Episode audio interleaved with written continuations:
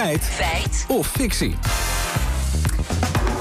En Lammert die gaat vandaag over CO2 en auto's. Ja, want de NOS bracht gisteren plannen naar buiten van minister Jette voor Klimaat en Energie om de uitstoot van auto's te verminderen door meer biobrandstof te gebruiken en de belasting bij de aanschaf van nieuwe benzineauto's te verhogen. Vanmorgen reageerde Huub Dubbelman van de RAI-vereniging in het Radio 1-journaal teleurgesteld op dit plan, want hij benadrukt dat de automobilisten al heel veel doen.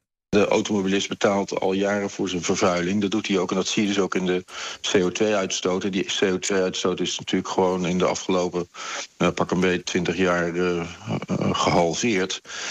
misschien nog aan de hoge kant, maar als je kijkt naar wat Nederland doet, doen we veel meer dan in Europa. Oké, okay, dus van de CO2-uitstoot van auto's in Nederland is in ongeveer 20 jaar tijd is die gehalveerd. Ja, nou dat zijn we maar eens gaan checken. Te beginnen bij Cor Pierik van het CBS. Hij heeft alle cijfers voor ons op een rijtje gezet. Als we kijken naar de totale CO2-uitstoot van uh, de persoonauto's, dan is dat uh, wel uh, behoorlijk gedaald. In 2000 was het nog 17,8 miljard kilo en in 2021 14,8 miljard kilo. En dat is een daling van 17 procent. Dus er is wel echt een behoorlijke CO2-reductie. Ja, maar dat gaat dus om het totale wagenpark. Inderdaad, in de uitspraak van Dubbelman kan ook geïnterpreteerd worden als het gaat, uh, dat het gaat om alle individuele auto's. Daarover zegt Pierik van het CBS het volgende. In diezelfde periode zien we dat het aantal personenauto's nog behoorlijk is toegenomen. En van 6,3 miljoen in 2000 tot 8,8 miljoen in 2021. En als we dan kijken naar de uitstoot per auto, dan is dat met 40% gedaald. Ja, we, bespraken deze cijfers ook met Norbert Lichtering van het TNO. Uit zijn cijfers blijkt dat er geen CO2-daling is geweest in het totale wagenpark.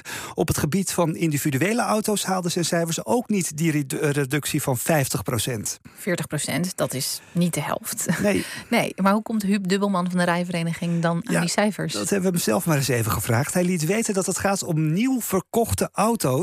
En dat de autofabrikanten van die nieuwe auto's rapporteren dat die uitstoot zoveel gedaald is. Ja, dat is wel een beetje wij van WC Eend, hè? Ja, inderdaad. Dus we, besproken het, we bespraken dat ook nog even met de lichtering van de TNO. Hij heeft het over het normgebruik, dat, we, dat wat de autofabrikanten becijferen. En hij heeft het ook over de praktijk.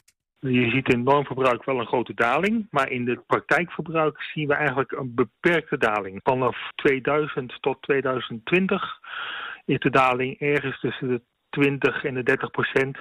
Afhankelijk van hoe je het, uh, ja, hoe je het becijfert. Ja, in de praktijk gaat het dus maar om 20 tot 30 procent reductie. Ja, maar laten we het positief bekijken. Ja, en de reductie. dat maar is waar. waar komt dat dan vandaan? Ja, vooral door efficiëntere motoren en doordat auto's aerodynamischer zijn geworden. Maar Norbert Lichtering van TNO wees ons wel op een opmerkelijk detail over die steeds betere motoren. Het groot deel van het zuiniger worden van de motor is gecompenseerd door het toename van het voertuiggewicht. Auto's zijn ook zwaarder geworden en daarom hebben ze ook een hoger brandstofverbruik. Mm. Maar gaat de uitstoot in de toekomst dan wel echt fors omlaag? Ja, dat verwacht energie-expert Martin Visser wel.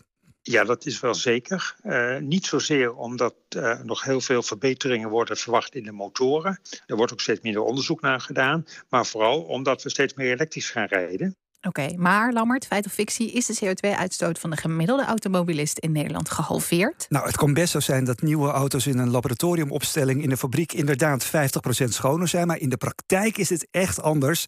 Zowel TNO als het CBS hebben cijfers over de daadwerkelijke uitstoot van auto's op de weg. En zij komen uit op een aanzienlijk lager percentage, dus het is echt fictie.